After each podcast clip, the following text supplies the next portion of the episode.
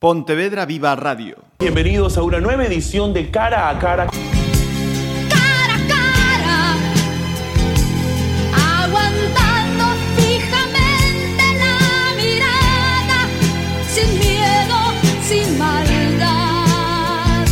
Esta noche tenemos cara a cara. Cara a Cara. Saúdos, nesta semana do 25 de novembro, que é internacional contra a violencia de xénero, a violencia machista. Quedámonos eh, coa autora dun libro presentado este mesmo mércores 22. A autora é Monse eh, Fajardo e o libro Invisibles, relatos do maltrato. Benvida, Monse, a estes micrófonos de novo. Hola, moitas grazas por convidarme, de verdade. E alegrome moito a, a máis eh, de falar dun traballo xa mm, completamente eh, teu. Sí. Como e cando xurde eh, a idea deste, deste libro, de Invisibles? Bueno, completamente, completamente, completamente meu mm, non é, bueno, é meu, pero quero dicir que houve unhas achegas imprescindibles, non, da Concellera de Muller Carmen Fouces que fai o limiar, tamén da psicóloga do CIN Rosa que fai Ajá. o epílogo do libro. Rosa Campos. Foi un traballo uh -huh. de, de equipo, non, de, de de, da equipa femenina da Consellería de Muller comigo, non? Que, Ajá. que do que estou do que estou moi contenta, porque ademais foi sobre todo un traballo, un esforzo titánico das das sete fontes, non, que contaron as historias de invisibles, que como sempre son relatos reais, de son sete casos de violencia machista contados polas propias mm, víctimas, digamos, polas propias persoas que o padeceron ou ben xa polas súas familias, porque en dous casos elas foron asasinadas polas súas parellas e, polo tanto, son as súas familias as que contan o, o, o relato. Non xurde, pois xurde un pouco así, eh, dunha, dun xeito un pouco como xurden estas cousas, non? Espontáneo un día eu estaba comentando algo do, do meu anterior libro que falaba do tema, como sabedes, da guerra civil, bueno, de, de persoas que sufriran a represión, é unha, unha amiga do Facebook, que tampouco é unha persoa moi, moi achegada a min, pero é unha uh -huh. persoa que coñezo, puxome un comentario, dixo, para a ver cando recolles testemunhos de mulleres que sufriran a violencia de xénero. E dixen, pois sí, teño que facelo. Comentei no así un día sen querer, te, estou aí pensando en facer isto, parece moi importante, chegou ese comentario, nin sequera estaba Carmen Foces ali, chegoulle despois, E en marzo deste mesmo ano díxome, facemos ese, hai que facer ese libro xa, vamos a facelo para o 25N. Uh -huh. Eu dixen, estás tola, non que eu tardo en facer libros dous anos e me estás falando dunha cousa que dentro de pois oito meses e, uh -huh. e, na, aparte estaba con outras cousas tamén, pero dixo, vamos a intentalo e a verdade é que, é que o conseguimos que eu en setembro, a mediados de setembro teño que recoñecer que lle dixen Carmen, tes unha opción B para a campaña porque eu non o vía, non? Porque sobre todo para as mulleres que entrevistamos foi durísimo, durísimo proceso. Eh, foi duro contar, pero foi especialmente duro ler, non? Porque unha cousa é cando ti ti e eu estamos aquí falando entre as dúas e contamos cousas, pero logo cando esas cousas se plasman no papel e as lees, sabes que todo o mundo as vai a ler, entra un vértigo totalmente entendible, non? E hubo un par delas que dixeron, ui, non, non, non, non, que despois dixeron, sí, sí, sí, sí, non? Uh -huh. E de feito están todas as historias hubo un momento que pensamos que das sete sairían 4 ou 5, nada máis no libro, saíron as sete, que vamos, era inesperado. Un, eh, un éxito tremendo. Non eh, tiñamos eh, sí, sí. Eh, esas perspectivas para nada en setembro, porque algunhas foi durísimo ler a historia e, e decían, bueno, non me vou a atrever, e por suposto tiñan elas non a decisión final, pero al final decidironse a sete, en sair e, bueno, e, e aí está, mm. así. Invisibles, eh, porque seguen, eh, en algunos casos, eh, agardar a súa identidade. Invisibles, porque aínda sigue sin ser o suficientemente visible este eh, problema, por tantos motivos, imagino, onde Efectivamente, por moitos motivos, pero por un especialmente eh, o contamos un pouco no epílogo, no? Cando, cando eu digo Invisibles, un libro sobre maltrato, sempre pensades que as invisibles son as mulleres, que tamén, pero tamén son invisibles, desgraciadamente, os maltratadores. Moitos dos maltratadores, eh, algún incluso deste libro, campa as súas anchas pola cidade, polas nosas rúas, e non sabemos quen é, Eh, hai casos de, no libro de mulleres que denuncian, pero hai casos tamén de, de mulleres que non denuncian por, por medo, porque son persoas ao mellor que teñen certo prestixo nunha sociedade, nesta cidade ou noutra. Non imos desvelar, pero hai, uh -huh. hai maltratadores que, que fican invisibles. Incluso contamos un caso de maltratadores que participan en determinada cidade nunha campaña do 25N non? Cando as súas víctimas todavía teñen as secuelas do maltrato, nese caso ademais físico, psíquico gravísimo. Entón, son invisibles elas, pero tamén son invisibles eles, están ao redor de nós e un pouco este libro é unha chamada a abrir os ollos e a non consentir certas actitudes nas nosas parellas, nas parellas das nosas fillas, das nosas amigas, nos nosos amigos, nos nosos fillos, que son a mellor unha pinga, como decimos no libro, unha pinga, pero que esa pinga logo acaba desbordando. Mm, hai hai eh, unha campaña actualmente eh, precisamente que fala do, do entorno, no? É unha croa de flores eh, e Benazis, este é o resultado da morte de tal porque eh, ninguén do seu arredor fixo nada por, por denunciar a, a violencia. Eh, a ver se si de, de unha vez eh, por todas nos concienciamos que isto non é unha cosa da, da, da parella, isto é unha cosa de todos. Claro, isto é un problema, unha lacra social. É difícil tamén, é difícil, eh, tamén o contamos un pouco no libro, non? no caso eh, da amiga dunha muller asesinada, que conta que era difícil, aínda que intuía, non, non, non soubo ata case o final, eh, que la maltratada intuíao, ¿no? porque aparecían de repente moratóns, aparecían golpes eh, moi seguido, eh, eh, pola atitude del, bueno, ela intuía, pero decía, claro, ti lle dis a túa amiga, eh, hai algo que me queiras contar, can, se che conta, lle dis a túa amiga, tes que denunciar, pero cando ela di que non, ou tes que deixalo simplemente, afastarte del, pero cando ves que a túa amiga volve, porque hai a, a cara do maltratador boa e logo hai a cara do maltratador, o maltratador non leva un cartel que di son o maltratador, normalmente son persoas moi doces, con moita non? Ou, ou anodinas, da igual, pero que decir que teñen outra cara que, que é a que namora as parellas. Entón, cando a túa amiga, tú lle dis a túa amiga, tes que deixalo, a túa amiga volve, que faz? Afástate dela, vas ti a denunciar, e, e pos a túa amiga nunha situación que ela non elexiu, que decir que é moi difícil tamén uh -huh. para o entorno e tamén temos que ser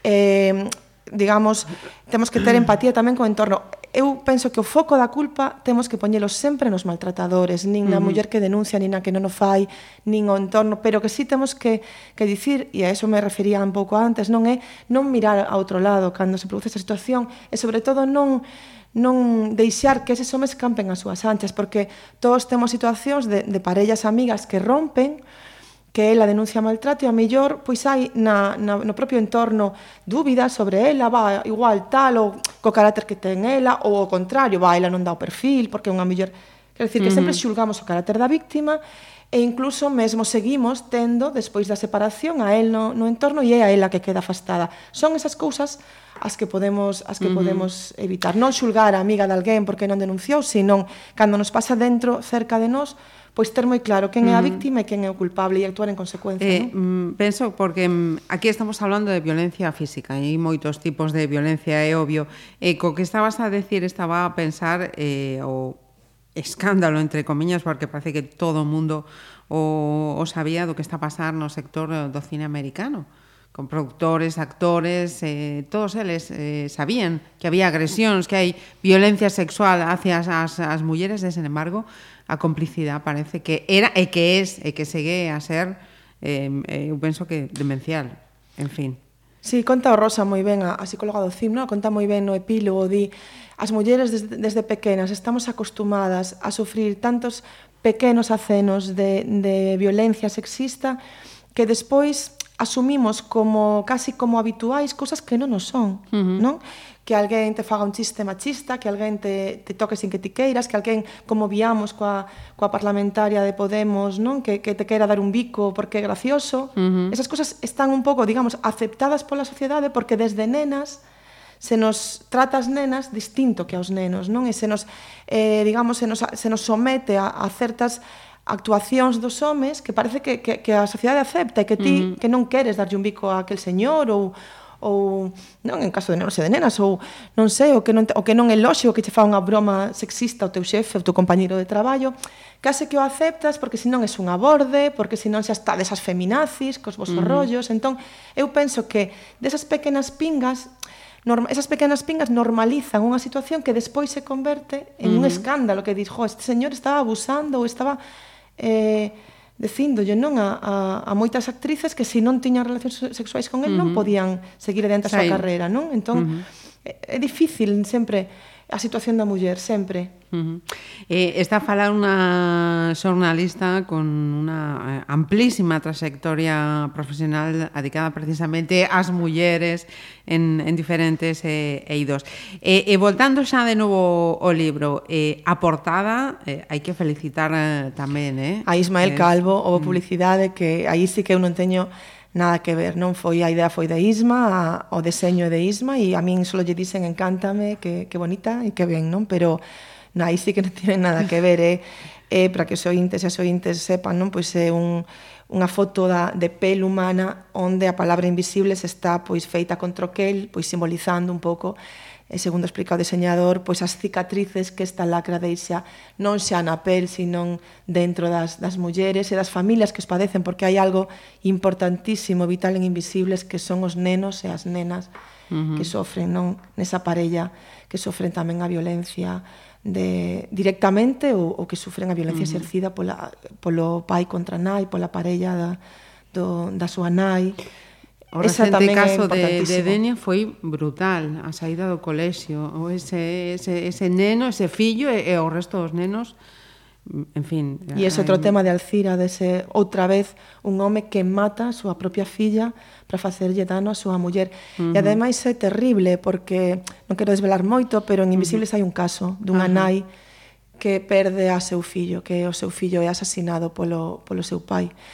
E esta semana falei con ela chameina para que estivera no acto de presentación do libro e díxome, uh -huh. irei, pero estou pasando fatal porque están poñéndome moitas trabas para eh, para facer os papéis do Risga, é dicir, neste país onde as víctimas de terrorismo eh, de ETA, por exemplo, non teñen moi, moitísimas axudas, uh -huh. unha muller a que o seu home asasina o seu fillo non ten nin sequera un Risga, ten moitísimos problemas para solicitar un Risga. Unha muller que perdeu o seu fillo desta maneira tan brutal, que estivo meses intentando loitar contra o sentimento de, de quitarse tamén a vida, que agora decide anos despois que vai a estudiar de novo, decide que, que vai a seguir adiante, non ten nin siquiera 400 euros do noso estado de bienestar para poder ocuparse de si sí mesma, non? E para poder seguir na loita, ela está nun grupo de nais con un Ruth Ortiz e con outras con outras mulleres que pasaron por ese trago, están intentando eh, loitar por, contra esta lacra, non conseguiron agora co, coa nova reforma da lei que elas foran consideradas violencia de xénero, porque fixadevos si é duro que unha nai que hai uns anos que ata agora uh -huh. o seu home asasinou a un fillo non era considerada víctima de violencia de machista, de, de violencia de xénero, non o era hasta, ata esta recente reforma.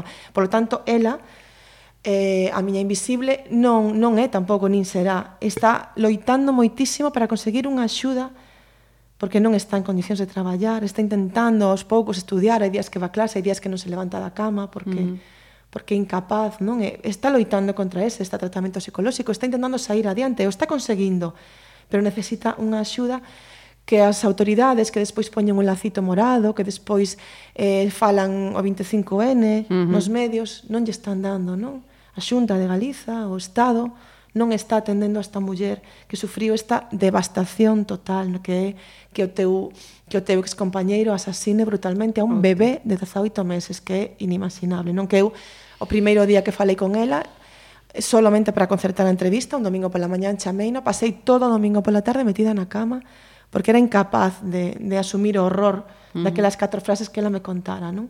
Entón, non sei, creo que calquera pode imaginar o que ela está pasando uh -huh. e calquera pode entender que necesita unha chega que as nosas administracións non lle están dando. Eso tamén fala invisibles, non de como cando a muller denuncia de como nos comportamos como sociedade e a verdade é que saímos moi mal parados todos, todos, uh -huh. todos e todas saímos moi mal parados desgraciadamente. Monse, eh Onde podemos mercar Invisibles? Bueno, Invisibles eh, estará aí en as librerías a partir do 23. Eh, bueno, pois pues se poderá mercar en, en calquera librería, non? Uh -huh. que que teña ben pois telo no, no seu escaparate. E eh, sei que librería Paz xa o ten e bueno, seguramente pois haberá eh, se hijas polo que sempre nos, uh -huh. nos acollen os nosos traballos, seguramente que tamén os, os terán, vamos pouquiño a pouco entregando, non? Pero pois eh, anotando que a máis eh, veñan unhas datas eh, Onde e sobre todo si, que... si non se pode mercar que se preste, que se lea de verdade, mm, eh, quer decir mm. que que o importante que estas historias se coñezan e e eu era creo que que era, tiña bastante empatía con este asunto, pero nada que ver co que co que sinto agora despois de falar con elas, non cambiou a miña visión por completo, e entón mm. me parece mm. importantísimo que a xente o lea. Entón, bueno, pois se non se se non se merca que se preste. Eso non o di calquera autor, eh? Sí, non pasa nada. Neste caso non pasa nada, de verdade importante o, o fondo. Monse, moitísimas grazas unha vez máis eh, por estar con nos e aceptar a nosa invitación. A vos por, por darnos visibilidade, non? Por facer que, que estas historias non, non sigan invisibles. Grazas, de verdade. No, obriga. Amigos, ¿cómo están? Bienvenidos. Estamos en el cara a cara. La conversación, la confesión, usted sabe. Cara a cara. Pontevedra Viva Radio. Oh.